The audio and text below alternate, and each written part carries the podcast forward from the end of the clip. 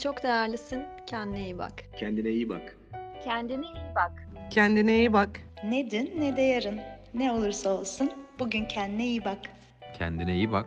Kendine iyi bak. Kendine iyi bak. Kendine iyi bak.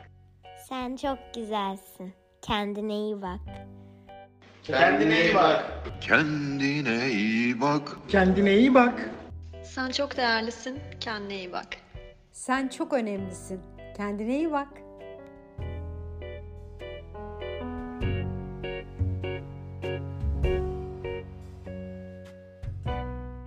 Herkese merhaba. Kendine iyi bak podcast'ine hoş geldiniz. Ben Çağrı. Ben de Mine. Bugün Mine ile beraber bir konuğumuz var. Konuğumuz Ege Soley. Bence tanıyorsunuzdur ismen ama kısaca tanıtmaya çalışayım. Tanıtamadığım yerler olacaktır illaki. Çünkü her gördüğümde yeni yeni şeyler çıkıyor. Böyle yaptığı iş başlıkları çıkıyor çünkü Ege'nin. Ege'yi ben yazar olarak tanımıştım. Özellikle de Sakin kitabını ilk böyle elime alıp bakmıştım. Böyle hatırlıyorum hatta Penguen Kitap Evi'ndeydi.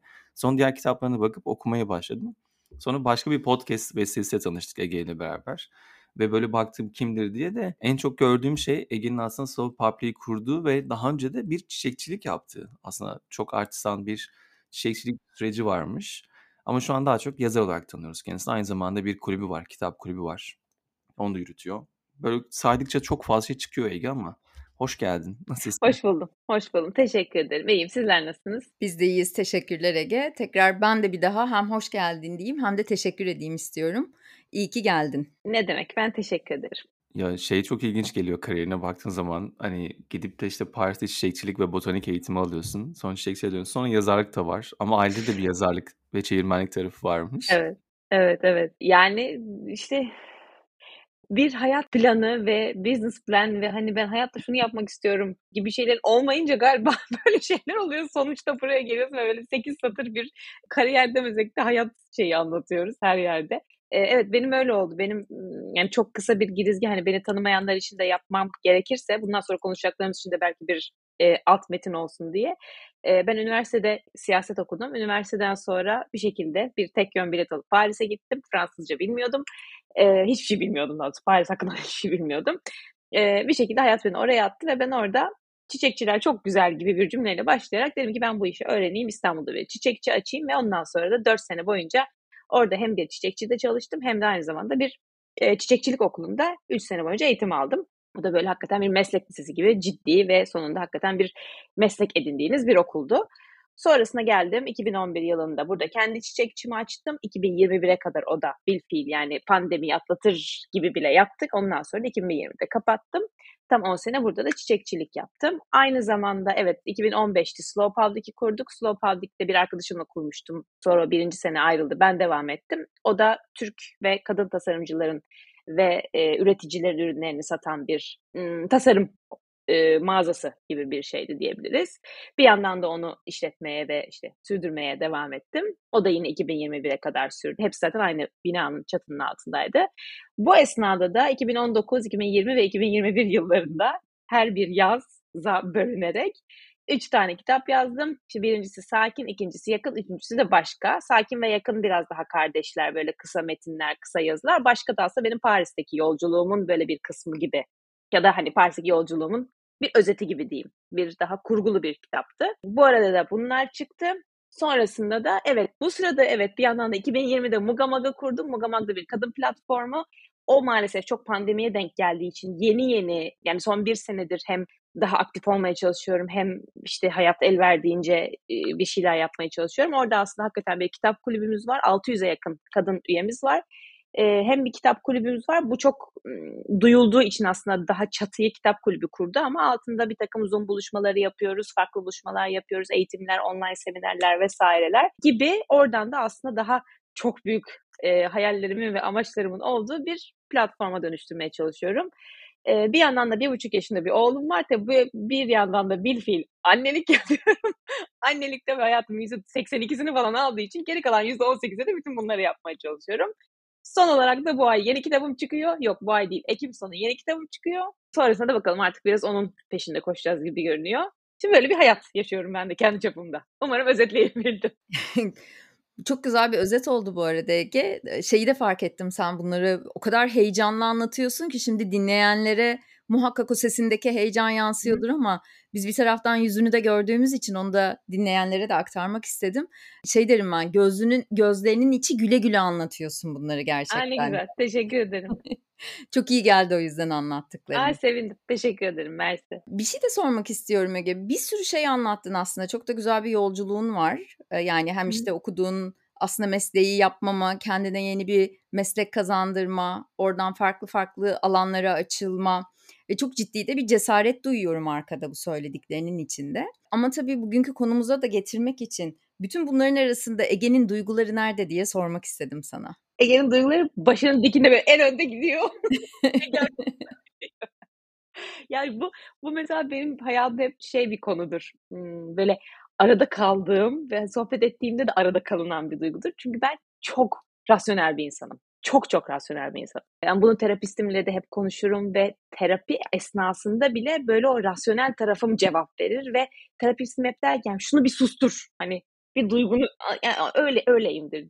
Bu kadar mantıklı ve rasyonel ve mantıklı değilse yapmayalım sakın gibi bir hayat yaşa yani öyle bir bakış açım varken aslında bütün bu anlattıklarımın tamamen o duygularımın arkadan ittirmesiyle olması da çok büyük tezat benim hayatımda. Ama dediğim gibi yani üniversitede okuduğum bölüm dahil belki de hiç mantıklı değildi. Hani ailemin işleri, babamın işi, annemin işini mantık çerçevesine baksak belki öyle bir tarafa gitmem gerekirken tamamen duygusal ve içgüdüsel bir şekilde gittim siyaset okudum. Çünkü çok seviyordum, çok istiyordum gibi. Hani oradan başlayıp sonrasında zaten Paris'e gidişim hakikaten yani kadere inanıyorsak kader, duyguya inanıyorsak duygunun ittirmesi diye tamamen ben gidiyorum bunu yapacağım, bir şey yapacağım, üç ay verin bana deyip gitmem tamamen başrolde yine böyle bir şey duygusu. Cesaret ve bilmiyorum ama bir ya özgürlük isteği ve nasıl diyeyim hani kendimi bulmam lazım ve bir yola çıkayım bir yerde bulacağım herhalde gibi bir biraz da cahil cahilliğiyle gençlik cesareti gibi bir şey var orada. Sonrasında da hep aslında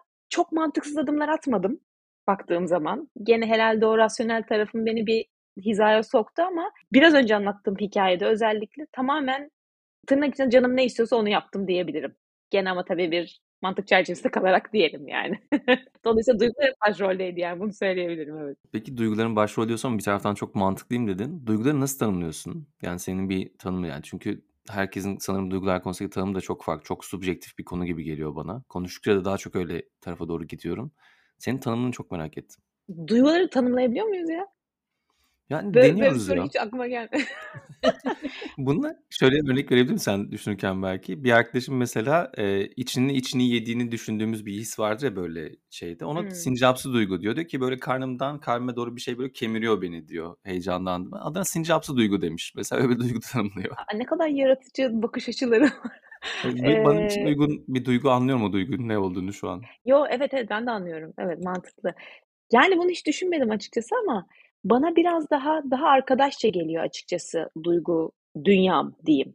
Çünkü hem ben ço- çocuk evet çocukken de hani ilk gençliğimde de sonrasında da mantıklı ve hani daha nasıl diyeyim doğrucu tarafım bir tarafa ki bu dediğim gibi çocukluğumda da ve ilk gençliğimde de vardı her zaman benimle ama çok yoğun duyguları çok yoğun yaşayan ve hisseden bir çocuktum ve gençtim. Yani belki yazı yazmam ve onları bir şekilde dökme isteğim ve ihtiyacım da bu yüzden doğuyordu bilmiyorum. Dolayısıyla onları böyle hani o sincapsı çok sempatik ve tatlı ve doğru bir tanım ama o kadar sempatik ve o kadar detaylandırabileceğim bir şey değil. Bence kocaman bir arkadaş, bir yol arkadaşı böyle kolumda hep kolumda gezen ve hani e, hiç benden ayrılmayan o rasyonellik bir tarafı ama o duyguların hiçbir bir şekilde benden ayrılmıyor ve hala yani dediğim gibi 40 yaşındayım ve hiçbir şekilde duygularımı saklayamıyorum. Hiçbir şekilde onları şöyle arkaya atıp numara yapamıyorum ya da hani öyleyken böyleyi gösteremiyorum. Dolayısıyla çok büyük bir varlık kaplıyor benim hayatımda duygular. Bilmiyorum bana böyle bir kişi, insan, arkadaş koluma taktığım, kol kola yürüdüğüm bir arkadaş gibi geliyor şimdi. Hani hep arkadaş mı bilmiyorum ama birisi diyelim yani insan. Bu söylediğin çok iyi geldi Ege bana. Yani hani o arkadaş tanımı bir taraftan kendi duygularımı düşünüyordum yani sen anlatırken. Gerçekten çünkü böyle iyi dost, iyi arkadaş da öyledir ya hani bazen çok iyidir seninle işte mutluluğuna eşlik eder. Bazen de çok üzgünsündür, işte çok öfkelisindir, çok kırgınsındır. Yine o haline de eşlik eder. O yüzden de o arkadaş tanımı bana çok iyi geldi. Bir sürü şey düşündürdün arkada bana.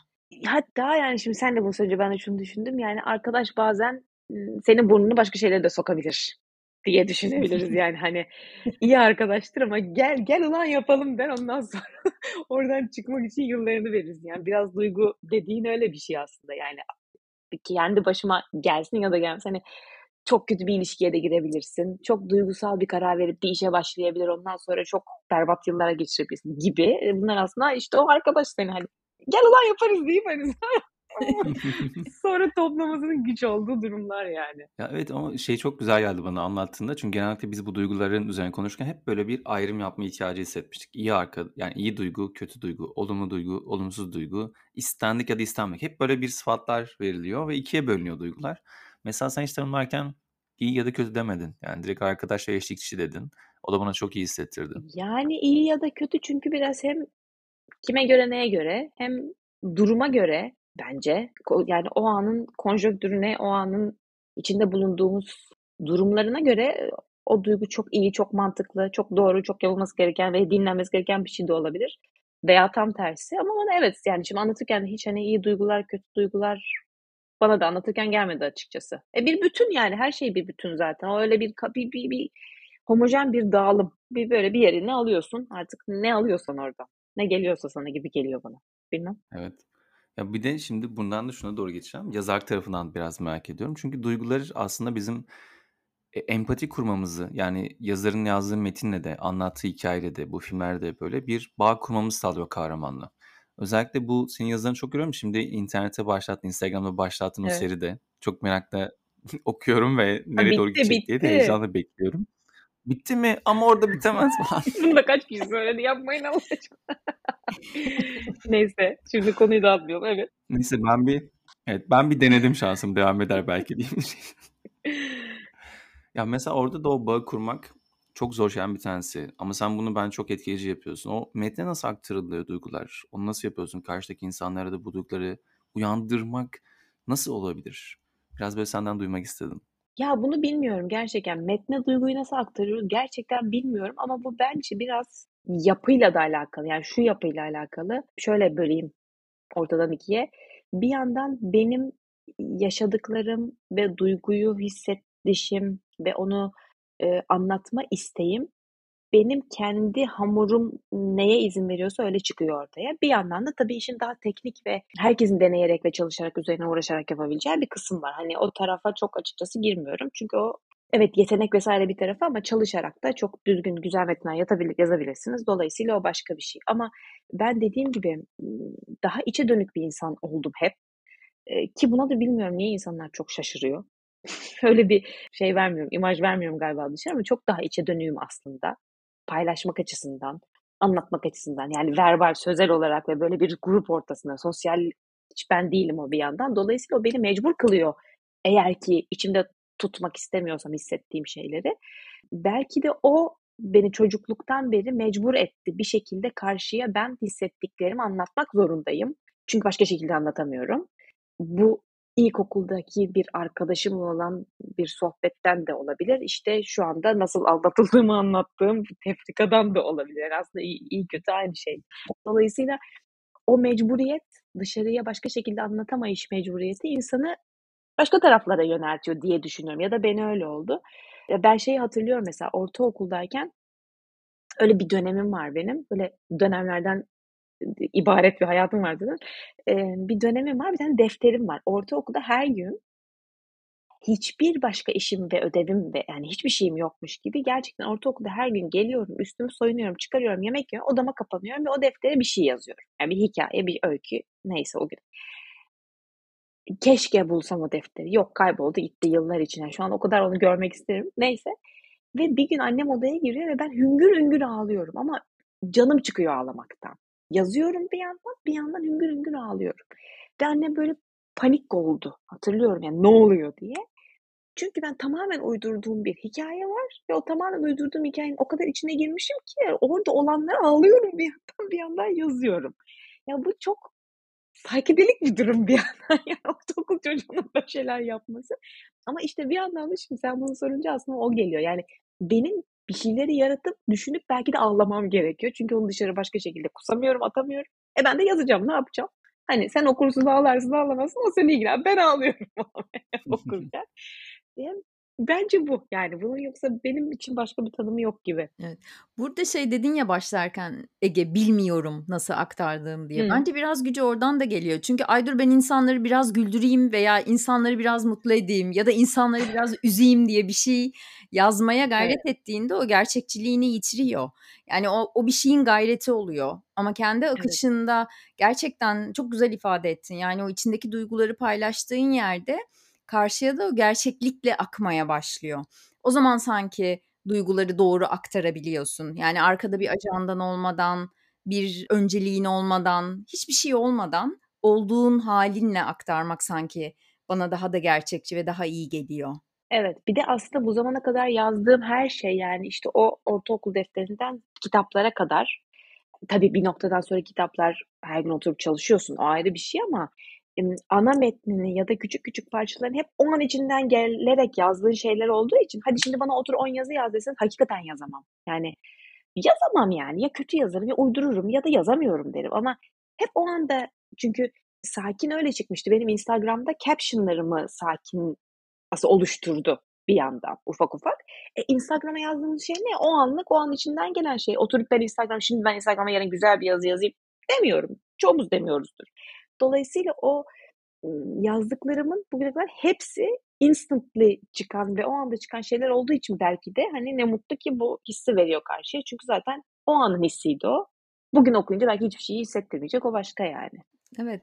Anlatırken bir de en başına kendini tanımlarken mantıklıyım dedin ama anlatırken o kadar güzel bir şekilde duygularını ifade etme konusunda şeysin ki böyle hani hemhal olmuşsun ki onlarla. O yüzden o mantıklı tarafını şey yapamıyorum böyle oturmuyor zihnimde bir Çok tarafta. güzel İlginç oturur. geliyor o Sen- yüzden. Hiç merak etme. E, e, evet. Hemen ikna Yok böyle. rica ederim. Hayır yani şeyim antrenmanlıyım diyelim artık bu konuda. Çok güzel. Benim bir tane diğer sorum da şu. Ya çiçekçilik okuduğunu böyle çiçekçilik ve botanik hatta da, yanlış söylemeyeyim ama okumak bunun bir okul olduğunu bilmiyordum. O yüzden şaşırdım zaten. Sonra baktım. Ama şeyi çok merak ediyorum. Çiçekler ya da işte doğayı görmek bende çok farklı duygular da uyandırıyor. Aslında duygularımı fark etmem için bir aynada oluyorlar çok fazla. Hele kokularıyla beraber zihnimdeki müthiş anıları canlandırıyorlar.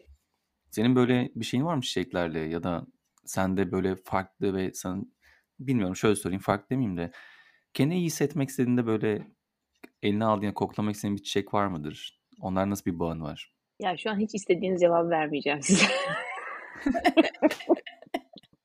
Gerçekten. Ama yalan söyleyemeyeceğim. Çünkü ya yok biliyor musun? Gerçekten yok. O kadar net olmayayım ama çok iyi anladım demek istediğini. Abartıyorum, şaka yapıyorum ama em, aslında çiçekler, kokular, bu dediğin şeyler belki de sende olduğu kadar bende öyle bir etki yaratmıyor. Hiçbir zaman da yaratmadı. Hatta benim çiçekçiliğe başlamamın sebebi de çiçekleri çok seviyor olmam falan değildi. Ee, hiç benim annem öyle eve çiçek alan bir insan olsun. Çiçeklerle büyüdüm. İşte her çiçeğin adını bilirim. O bayılır. Hiç öyle bir insan. Hiçbir zaman olmadım. Yani Paris adım atana kadar hiçbir zaman öyle bir insan olmadım. Ee, ben bu işi de aslında Paris'te ne değişti? Paris'te şu değişti. Paris'te yine benim mantıklı ve rasyonel tarafım dedi ki Ege bu çok iyi bir iş. Bak sen bunu öğren. Ha. Gerçekten ben aslında tamamen öyle başladım. Çiçeklere aşık oldum. Allah'ım kokular. Öyle tabii ki yol çok değiştirdi beni o ayrı. Ondan bahsedeceğim ama benim bu işe girişim çiçeklere aşkımdan falan değildi. Dedim ki İstanbul'da bu kadar güzel çiçekçiler neden yok? Ben bu işi öğreneyim yapayım. Tamamen böyle bir mantıkla gittim en iyi çiçekçilere başvurdum. Okul mu? Okul. Okuyacağız. Tamam. Fransızca bilmiyorum. Ben biyoloji okuyorum. Yani öyle saçma bir şeyin içinde buldum kendimi. Ee, ama hakikaten benim bu işe başlayışım tamamen mantıklı ve bu iş yapılır diyeydi. Ve çiçek orada benim için çok uzun zaman boyunca bir malzemeydi. Yani ressamın fırçası varsa benim de çiçeğim vardı aslında o kadar. Tabii ki çok daha tırnak içinde mucizevi bir malzeme ve çok güzel ve hakikaten yani ortaya çıkan şeyde en beceriksize bile verseniz o güzel çiçekleri bir şeye benzetebilir zaten. Ama evet yol içinde hakikaten doğanın da tabii bir de bu işi yapınca yani çok daha fazla doğayla da vakit geçiriyorsunuz. Paris'te çok fazla biz bir takım bahçelere gittik, parklara gittik, çiçek yetiştirilen yerlere gittik. Amsterdam'da bir sürü yere gittik, Hollanda'da. Yani tabii onlar insan çok büyük bir hem ilham veriyor hem etkiliyor. O ayrı bir şey. Ee, ve bu yolun sonunda ben de tabii ki o ilk Paris'te ilk adımını atıp hiçbir şeyden haberi olmayan, hiçbir şeyden hoşlanmayan, beğenmeyen insan değildim. Ama uzun lafın kısası aslında benim için çiçek, doğa, doğa demeyeyim ama çiçek dediğimiz şey hani beni böyle yükselten ya da duygularımı coşturan ya da baktığımda bana ilham veren ya da değil. Yani benim için o başka yerde o bahsettiğin şeyler. Doğa belki evet, orman belki evet, ağaçlar evet ya da e, hani daha vahşi, daha el değmemiş, daha insanın dokunamadığı, değmediği şu arka sokakta bile hani böyle şimdi ben Etiler'de, Akatlar'da oturuyorum. Burada hala böyle dokunulmamış bahçeler var mesela apartmanların bahçeleri vesaire. Onlar bile böyle beni hani eski İstanbul diyorum böyle bir şeyler hissettiriyor bana o dağınıklık, o nasıl diyeyim dokunulmamışlık ve ona dokunulmuyor olma hali hala. Bunlar bile mesela beni daha çok ilham verip etkiliyor ama kesilmiş, bir şey için yetiştirilmiş, kesilmiş ve vazoya konmuş ve özellikle şekle sokulmuş bir Hmm. aranjman bende bir şey yükseltmiyor yani. O başka bir iş. Onu bir tasarım gibi görüp bayılabilirim. Ama ona bakıp da of üzerine metiyeler düzemeyebilirim büyük ihtimalle yani. Aslında o rasyonel Ege'yi çok net gördük. Yani hani Teşekkür ben ederim. Evet. özellikle hani orada çünkü öyle bir fırsat görmüşsün ki Ege yani hani bu iş İstanbul'da yapılır. Aslında tamamen bir stratejik bakış açısı ve bir Evet, evet. fırsat yani görme hali. Evet. Ee, o yüzden de rasyonel halini ben çok net gördüm ve çok da ikna oldum. Ege de rasyonel. Ama şeyi de sormak da istiyorum. Yani dedin ya hani benim duygularımı da başka şeyler e, hani Hı. işte ateşliyor, başka şeyler dokunuyor. Ben de o başka şeyleri merak ettim. Ege'nin duygularına neler dokunuyor? Yani müzik mesela kesinlikle müzik. Ee, bunu ben de düşünüyorum ya. Beni ne mesela it, ya, ya yazmaya ya da yani yazmak işin sonu ama daha böyle işte içini böyle dalgalandırmaya diyeyim. Müzik çok büyük bir şey mesela. Ee, edebiyat okuduklarım yani yazdıklarım ve işte demek ki küçükken hani yazıp yazıp ağlıyormuşum o ayrı bir şey ama yani edebiyat güzel ve hani keşke ben yazabilseydim bunu dedirten böyle bir takım metinler. Git 50 kere oku, 60 kere oku. Aynı his, aynı duygu yani. Şimdi hangisi deseniz hakikaten bilemem ama 3 dakika düşünsem bulurum yani. Bir takım galiba şu, ben mesela eskiden şöyle bir e, bana şu an bayağı bilinç akışı oldu. Bambaşka bir yere gidiyorum. E, eskiden şöyle bir şey söylediğimi hatırlıyorum. Yani dünya çok mucizevi, doğa çok harika. Hani bu evren Allah ne diyorsak yani müthiş bir şey yaratılmış ve biz de aynı müthişlikte hani bunun içinde debeleniyoruz, yaşıyoruz, gidiyoruz ve ne olduğunu anlamadan alıp gidiyoruz zaten yani. Bu zaten çok etkileyici. Okey. Fakat ben hep nedense insan eliyle ya- yapılmış ve yaratılmış şeylerden daha çok etkilenirdim küçükken. Çünkü insan çok aciz bir şey ve kocaman kuleler yapabiliyor. Yani inanılmaz metinler yazabiliyor. Kafasını çalıştırıp uzaya gidiyor. Ya o insanın yapabilitesi beni hep çok daha etkileyici gelmişti bana. Daha gençken eskiden. Şimdi de o yüzden aslında bak bunu konuşurken tekrar bir bilinç akışı sonucu buna varıyorum. Yani doğa, çiçek, hani uzay vesaire evet okey ama beni böyle heyecanlandıran yani senin benim gibi insanların hani tırnak içinde belki aynı değilizdir hani Dostoyevski ile ama insanın yarattığı şeyler beni daha çok heyecanlandırıyor. Böyle bir müzik, bir melodi, bir bir şey. Aynı şarkıyı bin kere dinleyip bin kere aynı zevki alabiliyorum. Aynı o coşkulu ya da ağlamaklı duyguyu hissedebiliyorum ya da bir kitabı. Yani anlatabildim mi bilmiyorum ama böyle bir bir şeyim var benim. Neden bilemiyorum yani. Yani şöyle bir şey var. Stendhal sendromu işte kitaplardan birinde de yazmıştım ya. Stendhal sendromu diye bir şey var. Bir sanat eserinin ya da doğadan da muhtemelen bir şey galiba ama asıl sanat eserlerinin karşısında böyle bir şok olma ve ağlama isteği gelmesi ve ağlama hali. E, gerçekten mesela bu bana şeyde oldu. iki tane şeyde oldu. Bir tanesi o kitapta olan bir heykel. Heykelin adını hiç hatırlamıyorum şimdi. E, Met Museum'daydı. New York'taydı bir heykel. İkincisi de Gaudi'nin Barcelona'daki e, Sagrada Familia'sı. Sagrada Familia'ya girdiğimde gerçekten hüngür hüngür ağladım yani. Yani böyle bir, böyle bir şey oluyor orada. Yani sen bir insan bunu nasıl yapabilir? Anlatabiliyor muyum? Yani belki başkaları aynı şeyi evrene uzaya bakıp işte anlatabiliyor ya da bir tek çiçeğin bir ucuna bakıp hissedebiliyordur. Bu şey bir şey değil. O doğru bu yanlış değil ama hakikaten o Sagrada Familia'daki o ürperme hali ve böyle gözlerinin dolması hali işte bence o. Duygu ne yükseltiyor? Bence o. Bir insan eliyle yapılmış ve hala bitmeyen bir katedral yani diye düşünüyorum. Hı hı. Evet. Ben de çok Evet. benzer hissetmiştim Teşekkür ederim. gerçekten. Ki hani şu an senden de böyle duymak böyle yalnız değiliz şeyi getirdi ama gerçekten çok etkileyici. Ya bu dediğin şeyde hani ilham alma tarafı bana çok iyi hissettirdi ama bir şey de merak ettim mesela. Duygularda hani sen de rasyonel bir tarafında da belki hani sormak istediğin için bu tarafa doğru soracağım. Çünkü konuştuğumuz konulardan bir tanesi aslında duygularla hemhal olmak, duygularla bilgi olmak tarafına da dair bazı şeyleri de konuştuk biz. Merak ediyorum çünkü anlattığın şeylerden sonra böyle bir sana sorsam mesela bir insan duygularına bilgi olabilir mi? Yani buraya doğru gidebilir mi? Sana nasıl geliyor böyle bir Ay, çok soru? zor bir soru. Yani olabilir. Çünkü neden olabilir? bir düşüneyim cevap verdim ama cevabın altında oldum.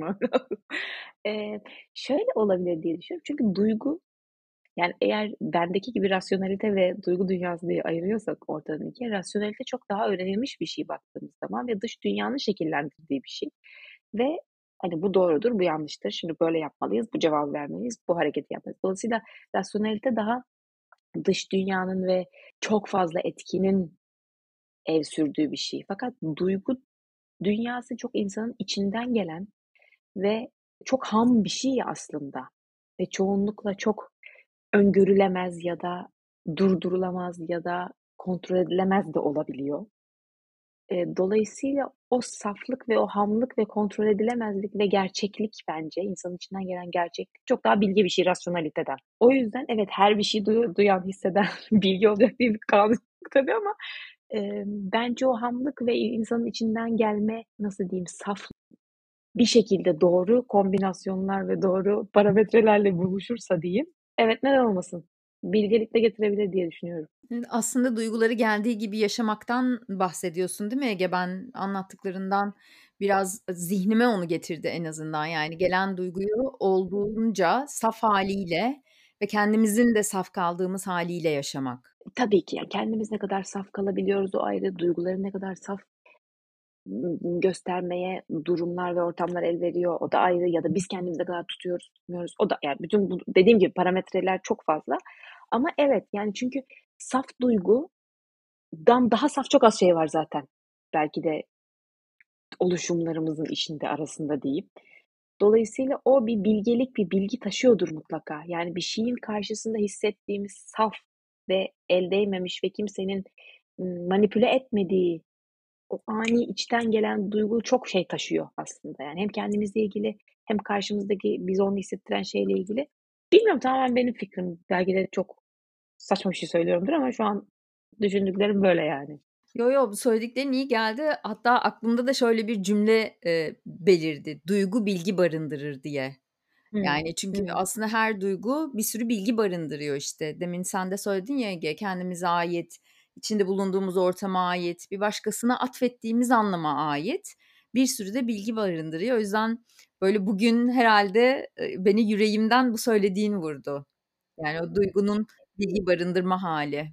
Evet çünkü yani bu da işte hani terapilerle vesairelerle çoğumuz bunu anlamışızdır. Yani bir yerde bir duyguyu hissediyor olmak boşuna değil çoğunlukla.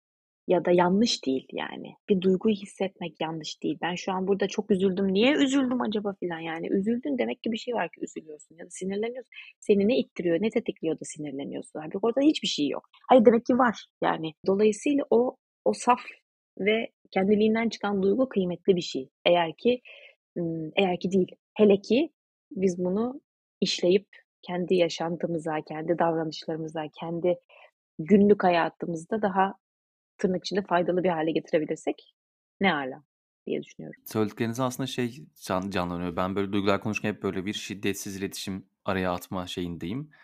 E, Marsh Rosenberg de duyguların aslında bize o bilgi taşıma olayını ihtiyaçlarla iletişim kurmak için bilgiler taşıdığını söylüyor. İhtiyaçlarımızı anlamak için. Bu da tabii hani hem güvende hissetmek, savunma mekanizmalarımız da bunun içerisinde. Ama bir taraftan da aslında hayatta olan akışımıza o bağ kurma çabamız içerisindeki fark edemediğimiz ve bedenimizin bizi aslında uyaranları olduğunu da söylüyor. O yüzden bilgi taşıyıcı deyince burası çok böyle bende oturdu. O ihtiyaçlara temas etme hali, anlamak. Tabii orada da şey galiba senin söylediğin aldığım. O bilgiyi çözebilecek beceriyi de ya da hazır bulunuşa da ihtiyaç var. O bilgi geliyor ama ne olduğunu anlamak için de biraz böyle bir daha fazla temas etmek, daha fazla yaşanmışlık, deneyim gerekiyor gibi. Ya deneyim, yaşanmışlık evet ama bence hem biraz farkındalık gerekiyor. O da hani kimi insanda daha az, kimi insanda daha çok. Yani kendinle uğraşmak, farkında olmak, bunu niye hissediyorum, bu hissettiğimin altında ne yatıyor? Yani bu işte tekrar tekrar söylüyorum. Yani terapi buna da bence çok yarıyor. Çünkü mesela ben de şu anda diyorum ki ben buna niye sinirleniyorum? Neden sinirleniyorum? Çünkü şunlar şunlar olmuş ve o senin geçmişinde şunu hatırlatıyor sana. Atıyorum şu anda ve dolayısıyla sen ona benzer bir şey görünce hop tekrar dikenlerini çıkarıyorsun. Yani bu bile çok basit ve çok güncel, gündelik bir bilgi olsa bile o senin o anki davranışının sebebini gösteriyor ve bunu bilmek bence insanın hayatta öğrenmesi gereken en önemli şey kendisi zaten daha fazla bir şey değil yani. Geri kalan bitmiyor çünkü öğrenecek şey. Yani kendimizi bir anlayalım öncelikle. Dolayısıyla bu da evet işte duyguyu anlamakla bence bu da işte mindfulness dediğimiz ya da işte farkında olmak, farkındalıklı olmak. Hı. Kendine biraz daha dönebilmek. Ben hani bunu niye yaptım, bunu niye hissettim, niye böyle davrandımları, iyi iyi davranışları da. Yani ben niye şimdi bir bağırdım bir anda demek zorunda değiliz her seferinde. Hani beni ne ne burada bu kadar mutlu etti? Hani ne beni bu kadar içime yükseltti, coşturduğu da düşünürsek aslında yani insanın kendisiyle ilgili öğreneceği çok ufak ufak ufak şeyler ama dediğim gibi hayatta da bundan daha zaten öğrenecek önemli bir şey yok bence. Böyle zırt diye gidiyoruz işte. Geliyoruz gidiyoruz. Arada bunu öğrenelim. Bir de bu farkındalıklarla birlikte biraz kabul de etmek gerekiyor galiba. Yani evet bu oldu e, ve ben böyle davrandım ve belki arkasında da kendime dair şöyle bir ihtiyacımı da fark ettim. Ama sonra dönüp işte demin Çağrı dedi ya hazır olma durumu diye o hazır olmakla birlikte kabul etmek de gerekiyor. Daha önceki bölümlerde söylemiş miydim bilmiyorum ama e, kabul kelimesi beni çok etkileyen kelimelerden bir tanesidir. Arapça kökenli bir kelime ve e, iki tane kökü var. Biri bizim bildiğimiz kabul, biri de kabila. Kabul etmek demek bir şeyi görmek ve almak yani onu kabul etmek demek. Ama kabilanın içinde e, ne varsa onu anlamak, misafir etmek, onunla hemhal olmak, zaman geçirmek ve ondan sonra kabul etmek geliyor. O yüzden de o kabul, kabulden kabilaya geçtiğimiz bir yerde durmak da iyi geliyor bana. Hatta şey de kabile kökü de aynı yerden geliyor bu arada. Ee, Doğru. yani kabile de çünkü seni misafir eder, alır, hemhal olursun ve ondan sonra onlara ait ve onların bulunduğu ortama ait olursun ya. O yüzden hepsinin Evet, bir de her şeyini Evet. kabul edilirsin aslında. Yani Evet. orada her halinle Aynen kabul öyle. O edilen bir yüzden de bunları fark etmek kadar kabul etmek Güzel. de iyi geliyor bana. Duyguları da yani aynı şekilde. E, tabii çünkü yani kabul etmemenin zıttı ne? Hani belki onunla savaşmak değil mi? Yani kabul etmiyorsun ve onu ya püskürtmeye çalışıyorsun ya işte görmezden geliyorsun ya savaşıyorsun yani tüm bunlar. Çok nasıl diyeyim? Haybeye yaşanmış bir hayat oluyor ondan sonra da sen hayat olmasa bile belki dönem, belki aylar, belki yıllar yani kabul edene kadar. Kabul tabii ki çok çok büyük, çok e, ulvi bir meziyet aslında. Yani sadece duyguları değil ki hayatı da yani olanı biteni de işte yaşadığın ülkedeki bir takım gerçekleri de evet uğraşacaksın daha iyileştirmek için. Duygunu da ülkeni de o başka bir şey ama kabul etmeden ilerleyemiyorsun ki. Yani gerçeği göreceksin tamam bu böyle diyeceksin ondan sonra iyileştirmeye çalışacaksın. Kabul edip görmeden kabul... ne iyileştirebilirsin ne geri gidebilirsin çok arafta kalmış bir durum yani. O yüzden tabii ki mutlaka yani tanımak, kabul etmek çok meziyet. Büyük büyük iş yani bir yandan da. Evet. Ee, Ege şey dedin ya hani mesela kabul etmenin zıttı ne diye sorunca ben hemen zihnimde reddetmek geçmişti. Hmm. Ama sen savaşmak deyince o beni bir durdurdu ve çok da iyi Hmm. geldi. Yani çünkü kabul etmediğimiz yerde gerçekten önümüzde ne varsa onu hani reddetmekten çok savaşıyoruz. Çünkü istemiyoruz yani onu. Hani istediğimiz şey olsun diye bir savaşa giriyoruz. Evet çünkü reddetmek de pasif bir şey. Yani edilgen değil ama pasif bir şey reddetmek. Kabul etmek pasif bir şey mi? Değil. Baktığımız zaman değil mi? Bilmiyorum şu an sesi düşünüyorum. Evet çünkü Değil. yok çok doğru çünkü kabul ettiğin zaman Evet. içinde bir şey klik edip değişiyor. Yani Reddetmek onu mindset'in de böyle değişiyor. görmüyorsun aslında. Yani o pasif bir şey. Dolayısıyla evet bana niyeyse hani orada bir şey yapıyorsan burada da bir şey yapıyor olman gerekiyor. O da bir bir savaşma, bir hayır deme hali gibi geldi yani. Hı hı. Eee, Ama bu bak çok ilginç yani senin aklına onun reddetmek gelip benim aklıma savaşmak. Yani o da belki insanın yapısıyla ya da işte mindset'iyle de alakalı bir şey belki. Kesinlikle öyle. O yüzden zaten çok iyi geldi savaşmak. Hımm. Eee, yani senin o savaşmak kelimen bana çok iyi geldi. Çünkü şeyi düşündürdü. Yani niye reddediyorsun ki işte yani hani savaşabilirsin. Çünkü gerçekten, eee, reddetmek aslında pasifte kalarak kabulleniş hâli. Yani hani çok pasifte bir kabulleniş reddetmek. Bir şey yapmıyorum. Tamam bu böyleyse de böyle aman artık hani. Bir de hani, reddettiğin şey hâlâ orada duruyor ve Evet. hatta seninle muhatap olmuyor bence reddettiğin zaman. Ama savaştığın zaman reddettiğin şey seninle muhatap olmak Evet. zorunda. Aynen Sana öyle. değmek zorunda yani. Bir de şeyde de kabul de bence aktif bu arada bir taraf. Ama hı. içinde şu olduğu zaman daha aktif geliyor. Ben bunu kabul ediyorum. Kabul ettiğim yerde de bazı şeylerden de vazgeçiyorum. O vazgeçişi de kabul ediyorum aslında. Yani bir davranışım var. Onu değiştirmeyi kabul ediyorsam, eee, o davranışın bana getirdiği şeylerden de vazgeçiyorum belki de. Ya da bir duyguyu kabul ediyorsam o duygunun getirdiği bazı şeylerden de vazgeçiyorum. Yani içinde, eee, böyle koçlukta da ben hep sorarım böyle seçim yaptığı zaman. Derim ki peki bu seçiminle neyden vazgeçiyorsun, biliyor musun? Onu bile bilmek de sanki kabulü daha aktif hâle getiriyor benim için. Hımm. Hı hı. Evet, her seçiş bir vazgeçiştir. Öyle bir Evet. öyle bir laf var değil mi? Ya bazı klişeler çok ilginç ama gerçekten üzerine düşündükçe o klişelere doğru yo yol alıyoruz ya bazen. Evet, Yani çok evet. o da çok Yani ben ilginç bunu geliyor. söylüyorum ya, klişeleri niye seviyoruz? Klişe bir şey için klişe olmuştur. Her şey klişe mi? Değil. Yani onun klişe olmasının altta bir sebep olabilir. Dolayısıyla bu da onun gibi. Yani bir şey seçiyorsan bir şeyden de vazgeçiyorsundur. Bu kadar net yani. Ege bu ara mesela senin üzerine düşündüğün ya da böyle daha tanışık olmaya çalıştığın duygular var mı? Ya da bir duygu var mıdır? Yine yok cevabını bekleyerek soruyorum ama.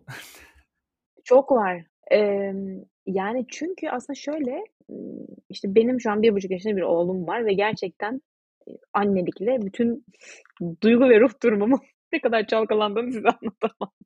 Çok büyük bir değişim bu hakikaten. Ki hep bunu söylerim yani işte iyi kötü bugünlere geldim. Hani iyi kötü becerikliyimdir. İyi kötü kendime güvenirim birtakım şeylerde. Yaparım, ederim. Çok büyük konuşmayayım ama yani yani böyle pasif kalıp ben hiçbir şey yapamam diyen bir insan değildim. Fakat bu annelik gerçekten hem hiç bilmediğim bir konu olup yani deneyimlemediğim bir konu olup hem de hakikaten insanı o kadar dönüştüren bir şey ki daha 1,5 sene oldu yani. Ben daha önümüzdeki 3, 5, 10 seneyi tahmin edemiyorum. Emm, şu an tamamıyla senin sorunun cevabı nedir bilmiyorum. Çünkü birden fazla cevabı var. Yani bir insan yetiştirmeye çalışıyorum, büyütmeye çalışıyorum. O aynı anda hakikaten ben 1,5 yaşındayım şu anda ve kendi 1,5 yaşımla savaşıyorum. Onun 3'ünde 5'inde kendi 3'ümle 5'imle savaşacağım. Onun ergenliğini kim bilir ben nasıl geçireceğim gibi bir tünele girdik. Yani kötü anlamda değil. Böyle başka bir yola, yani bir paranteze girdik. Neyse nasıl derseniz. Bir Çok macera hani. Gerçekten öyle, gerçekten öyle. O yüzden hakikaten ben şu an kendi tüm duygularımı neredeyse ona karşı değil yani hayata karşı, eşime, dostuma, arkadaşıma, aileme, kendime karşı tüm duygularımı yeniden yeniden isimlendiriyorum ve yeniden anlamaya çalışıyorum. Çünkü ben çok değişiyorum ister istemez. Zaten değişmem gerekiyor anladığım kadarıyla ve bu hakikaten macera benim nasıl diyeyim her şeyi tekrar isimlendirip her şeyi tekrar ben burada ne hissediyorum, bu his neyin neyle geliyor, bu nereden çıkıyor, neden böyle yapıyorum, işte neden bu tepkiyi veriyorum gibi. Zaten terapiye de ben tamamen bunun için başladım. Çünkü hakikaten bence tek başına alınması çok zor bir yol. Çok tırnak içinde söylüyorum, çok yalnız bir iş bir kere annelik. Hele ki bu ilk zamanlarda. Çok yani fiziksel olarak değil, fiziksel olarak da yalnız zamanları var ama ruhsal olarak hakikaten çok yalnız bir iş ve birinin sana yanında durup bence, eee, yani naçizane tavsiyemdir eğer yakınlarda anne olan, olacak olan varsa, birinin sana yanında durup gerçekten neyi neden hissettiğini ve çoğunlukla %99 hissettiğin şeye güvenmen ve inanman ve aslında o hisse kızmaman gerektiğini, davranışlarına anlamsız olmadığını, ve anneliğin ve tüm bu hormon dünyasının aslında ne kadar büyük etkilerinin olduğunu uzatmayayım ama bunları birilerinin hakikaten yeni anneler anlatması gerekiyor ve yanında olması gerekiyor. Bu anneanneler, babaannelerle olacak bir şey bence değil. Çünkü o da kendi deneyimlerini anlatıyor, kendi anneliğini anlatıyor ama hiç bilmeyen dışarıdan bir gözün kesinlikle bu duygu haline, duygu durumuna annelerin e, bir katkıda bulunması gerekiyor diye düşünüyorum. Çok uzattığımı bilmiyorum ama e, bu senin sorunun cevabı aslında tam olarak şu an benim hayatımın her yerinde e, bir sürü duygumu ve davranışımı ve halimi, ha, şeyimi çözmeye, anlamaya ve e, neden yaptığımı kötü anlamda değil ama işte o benim o rasyonel tarafım. Çünkü mesela terapide de yine bana terapim söyler. Yaptın olabilir. Yani neden yaptım diye bir şey yok. Yani her davranışım. Hayır ben her davranışın neden yaptığımı anlamaya çalışıyorum. Bu da çok yorucu bir şey bir yandan ama bir yandan da düğüm çözerek gidiyorsun aslında. Dolayısıyla e, çok uzun anlatıp soruna cevap verebildim mi bilmiyorum ama Verdin ah, fazlasıyla. Ya anlattığın şey bende şeye e, Elif Doğan'ın e, Meğer Ben evet, Feministmişim kitabını evet. okumuştum. Ee, Orada okurken mesela annelik tarafına dair yazdıkları benim tabii ki hani hiç düşünmediğim, hiç Hı çevremden duymadığım çok farklı yerleri anlatıyor. O da anlattığı şeyden sonra daha özenliyim. Şimdi yakında çocuğu olan arkadaşlarımla sohbet ederken, onlara şey yaparken daha dikkat etmeye çalışıyorum kendimde. Bilindik reflekslerle değil de anlamaya çalışarak daha farklı yerden de onu kendisi anlaması için izin alan tanımaya çalışıyorum. Bana çok güzel geldi o taraf. Yani belki dinleyenlerden benim gibi olanlar da o kitabı Çok okuyabilir. bir kitap Ben çok ihtiyaç var Evet. gerçekten. E, bende de şöyle bir şey uyandı. Ben de kendi o annelik e, ilk işte kızımın doğduğu zamanlara döndüm. E, Şöyle bir anım var. Tam işte Ege gibi ben de o dönem herhalde şey de düşündüm. En çok hangi duyguyla hemhal olmuştum diye. Herhalde korkuydu benim için. O kadar çok korkmuştum. Bir de yaşım da e, 27 yaşında anne oldum ben. Küçüktüm de yani. Şimdi bugünkü bakış açımla. O kadar korkmuştum, o kadar korkmuştum ki bir dönem terapiste gittim. Bir günde böyle gittim işte ağlıyorum terapiste nasıl işte konumda şu ben çocuğumda travma oluşturacağım bir şey yapacağım ve travma yaratacağım diye. Ama yani psikolog böyle bakıyor bana sonra güldü ve dedi ki Mina'nın dedi size bir şey söyleyeceğim dedi. Önce şunun kabulüyle başlar mısınız? Evet çocuğunuzda travma yaratacaksınız. Çok teşekkür ederim. Evet. bir günde de hani az yedi diye bir kaşık daha fazla yemek vereceksin. Bir günde çok yedi diye tabağı önünden alacaksın. İkisinden biri travma yaratacak ve sen bilemeyeceksin bunu. Böyle bir hayat geçmez demişti. Onu hatırlattın Ege bana ya. Yani o ana götürdüm beni anlattıklarınla. Gerçekten öyle yani böyle birçok duyguyu bir arada yaşadığın, e, bazen elini ayağını nereye koyacağını bilemediğin, çokça e, böyle pişmanlıkla iyi yaptım arasında, iyi ki yaptım bunu ve ay çok pişmanım niye yaptım arasında böyle gidip geldiğin bir süreç oluyor. Evet öyle gerçekten öyle hakikaten çok başka çok başka bir dünya. Benim hiç tanımadığım, bilmediğim bir dünyaymış ama işte olduracağız bir şekilde yani. Buraya kadar geldik buradan sonra da gideceğiz. Bir de anlattığın şeyin başına dedin ya bir buçuk yaşında ve ben de kendi bir Evet. buçuk yaşındaki halimle şey oluyorum diye. Biz aslında bu duyguların özellikle başında Esra'yı konuk etmiştik. Esra'da transaksiyon Hı. analiz üzerine konuştuk. Yani oradaki o işte anne, çocuk, yetişkin tarafına. Ve orayı da çok meç ediyor. Gerçekten aslında günlük hayatta çoğu yaşadığımız şeyde o çocukça halimize hızlıca dönüp Çok. sorguluyoruz. Orayı anlamak da çok iyi geliyor. Ben şimdi tekrardan Eric Berne'in insanların insanların oynadığı oyunlar kitabını tekrar Hmm. başladım okumaya. Çok iyi geliyor oyunları anlamak. Kendim en azından doğru bir soruları sorarken iyi hissettiriyor.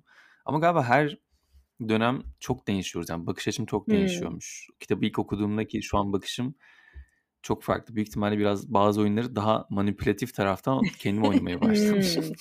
O da ilginç bir aydınlanma oluyor bana. Evet ilginç. Evet gerçekten öyle. Ben de bunu böyle şey bir laf gibi düşünürdüm. Biraz şairane bir cümle gibi hani onun üçünde ben de üçüm. Yok gerçekten öyle. gerçekten öyle. Ee, hakikaten. Ama mesela ben de senin yine benzer söylediğin gibi hani ben travma yaratacağım gibi bir şeyim olmadı açıkçası öyle bir şey söylemedim ama ben kendi çocukluk işte travmalarım, yaralarım her neyse onların yansımasını onda görmekten mesela bir şekilde korktum. Belki de çok sonralar için ama işte insan biliyorsun hani her şeyi düşündüğü için. Ama mesela bana terapistim de bunu söyledi. Yani sen şu anda buraya geldiysen ve sırf bu konu için terapi almaya zaten hevesliysen sen zaten tamam yani adım attın. ve bu iş toparlanacak geldi konu yani hani merak etme ama dediğin gibi dediğin yani bir kaşığı fazla verirsin travma bir kaşığı az verirsin travma onun sonu yok ama biraz kendi çocukluğunu da yani kendi çocukluğunda ihtiyacı olan şey neyse şimdi vermeye çalışmak çok kıymetli. Yani ben çocuğuma verdiğim şefkati şu an bir buçuk yaşındaki Ege'ye de veriyorum bir şekilde. Ya da işte ergen oğlumu hayatı biraz daha sevdirmeye çalışacaksam ergen Ege'de biraz daha sevecek benim sayemde gibi düşünüyorum. Yani umarım becerebilirim. E, çünkü o zaman ikimiz de iyileşiyoruz yani. O zaten iyi oluyor, ben de iyileşiyorum diye düşünüyorum. Yani umarım mantıklı bir düşünce tarzıdır diye düşünüyorum ama bence kötü gelecek bir şey değil yani. Kendi çocukluğunu iyileştirmek, kendi çocuğunu iyi, ederken kendi çocukluğunu iyileştirmek bence mantıklı bir bakış açısı gibi. Ben mantıklıyım ya hemen hemen o taraftan bakıyorum konuya. Bu arada benim kızım şimdi 16 yaşında Ege büyüdü artık bayağı. Ee, ve onu işte böyle psikiyatriste götürüp getiriyorum arada bir. Bu söylediğini birebir o söylemişti. Bana demişti ki Hmm. bu bu iyileşme süreci sadece onun iyileşme süreci değil, senin de iyileşme sürecin. Sen de kend, yani sen de iyileşeceksin, o da iyileşecek. Sen iyi oldukça o daha iyi olacak. O daha iyi oldukça sen daha iyi olacaksın. Ee, tu- çok tuhaf gelmiyor. Yani benim bir şeye ihtiyacım yok ki şu anda falan demiştim. O da demişti ki senin ihtiyacın yok ama 16 yaşındaki Mine'nin ihtiyacı olabilir ve sen, sen onu fark etmiyor olabilirsin demişti. O yüzden de çok doğru bir yerden bakıyorsun Ege onu söyleyecektim. Yani Evet, teşekkür ederim. Sevindim. Yani eee, evet çünkü dün de mesela onu konuşuyorduk. Yani 16 yaşındaki Ege'nin duygularını da ifade edecek yer bulamayıp aslında kendini yazmaya vermesi neredeyse şu an paralel evrenlerin bir yerinde. Şu anda aslında hayatımda ben o 16 yaşındaki Ege için onun nasıl diyeyim dünya ile olan savaşını ben şu anda 40 yaşında veriyorum. Çünkü o zaman veremedi. Çünkü o zaman konuşmadı. Sadece yazı yazdı. Dolayısıyla bunu anlamak bile hani kendi çocuğunu yetiştirirken aslında senin de o 16 yaşına dönmene mutlaka yardımcı olacak. Neyse aynı şeyleri tekrar etmeyeyim ama evet böyle bir amacım gayem var hayatta. Bakalım göreceğiz yıllar içinde. Ne güzel bir sohbet oldu. Bir taraftan hiç bitmesin istiyorum. Hani bir saat daha konuşalım deseniz ben burada böyle konuşmaya devam ederim. Ee, ama şöyle yavaş yavaş kapatırken de e, genelde soruyoruz Ege sana da bir sormak istedim. Bugün sen burada cebinde neyle çıkıyorsun? Aklında konuştuklarımızdan en çok ne kaldı? Ama çok evet benim için çok güzel oldu gerçekten. Hem hani farklı bir konuda ve farklı biraz daha iç dünya konuşmak benim hep sevdiğim bir şeydir, hoşuma giden bir şeydir. Dolayısıyla çok teşekkür ederim. Öncelikle hakikaten çok hoşuma gitti. Ben de bir zaten konuşuyorum. Da da konuşurum ya ben biliyorsunuz. Siz sorun ben anlatayım. artık konuşuyorum. Eskiden konuşuyordum artık konuşuyorum. Çok teşekkür ederim. Yani bu şeyler e, nasıl diyeyim? Annelikten girip aslında bir yandan da kendi geçmişimize dönmek ve aslında bir yandan yaratıcı hayatımızın ya da yaptığımız işlerin ne kadar hepsinin birbirine bağlı olduğunu tekrar hatırlıyor olmak ve işte bu koca evrende küçük insanların büyük duygularının aslında çok büyük şeyler yaratabiliyor olduğunu hatırlamak vesaire. Valla hepsi bir şey bende şu anda. Hepsi güzel bir çorba, güzel bir şey oldu benim için. Güzel bir karışım oldu. Çok teşekkür ederim ikinize de. Biz teşekkür ederiz. Biz teşekkür ederiz. Çağrı sen neyle çıkıyorsun cebinde? Hadi bugün sana da sormak istedim. Ya ben uzun zamandan beri bu duyguları konuşurken şey dikkat etmemişim. Son, sonuna doğru konuştuğunuz, anlattığınız o işte aslında küçük olan halimizi de işte e, geçmişteki çağrıyla olan şeylere de duyguları anlamlandırma sürecine bakmamışım. O yüzden biraz daha buraya bakacağımı dair not aldım kendime. Hatta kenara yazdım. Yani işte 10 yaşındaki çağrının acaba nelere ihtiyacı vardı? Şu anki çağrı ona nasıl katkı sunabilir? diye bir soru koydum kenara. Evet Bu güzel. da bana iyi Ben de geldi. sevdim. Yanıtını, yanıtını bulabilir miyim bilmiyorum ama en azından evet, soru soru bana sormak da iyi keyifli. geldi. Ben de sevdim bu soruyu. Bence bulabiliriz ya bu arada. Çok basit aslında. Yani çok zor ama çok basit. Bilmiyorum yöntem bildiğimden demiyorum ama aslında sensin o yani. 10 yaşını birazcık birazcık sakin, sükunet içinde gitsen bence hepimiz buluruz gibi geliyor. Evet, Evet. bu da Bu da güzel rahatlattı. bir güzel bir yol. Yapmak gereken bir yol. Kesinlikle. Ya çok teşekkürler Ege. Gerçekten çok Ben keyifliydi. teşekkür ederim. Yani seninle konuşmak. Ee, ve çok çok güzel geldi. Yani kendine iyi bakmak için bol bol ilhamlı. Çok da güzel böyle üzerine konuşacak ve konuştuktan sonra daha da düşüneceğimiz bir alan açtın. Evet O yüzden teşekkür çok Ben teşekkür teşekkür ederim. ederim. Ben teşekkür. O zaman bir sonraki bölümde görüşürüz. Hoşçakalın.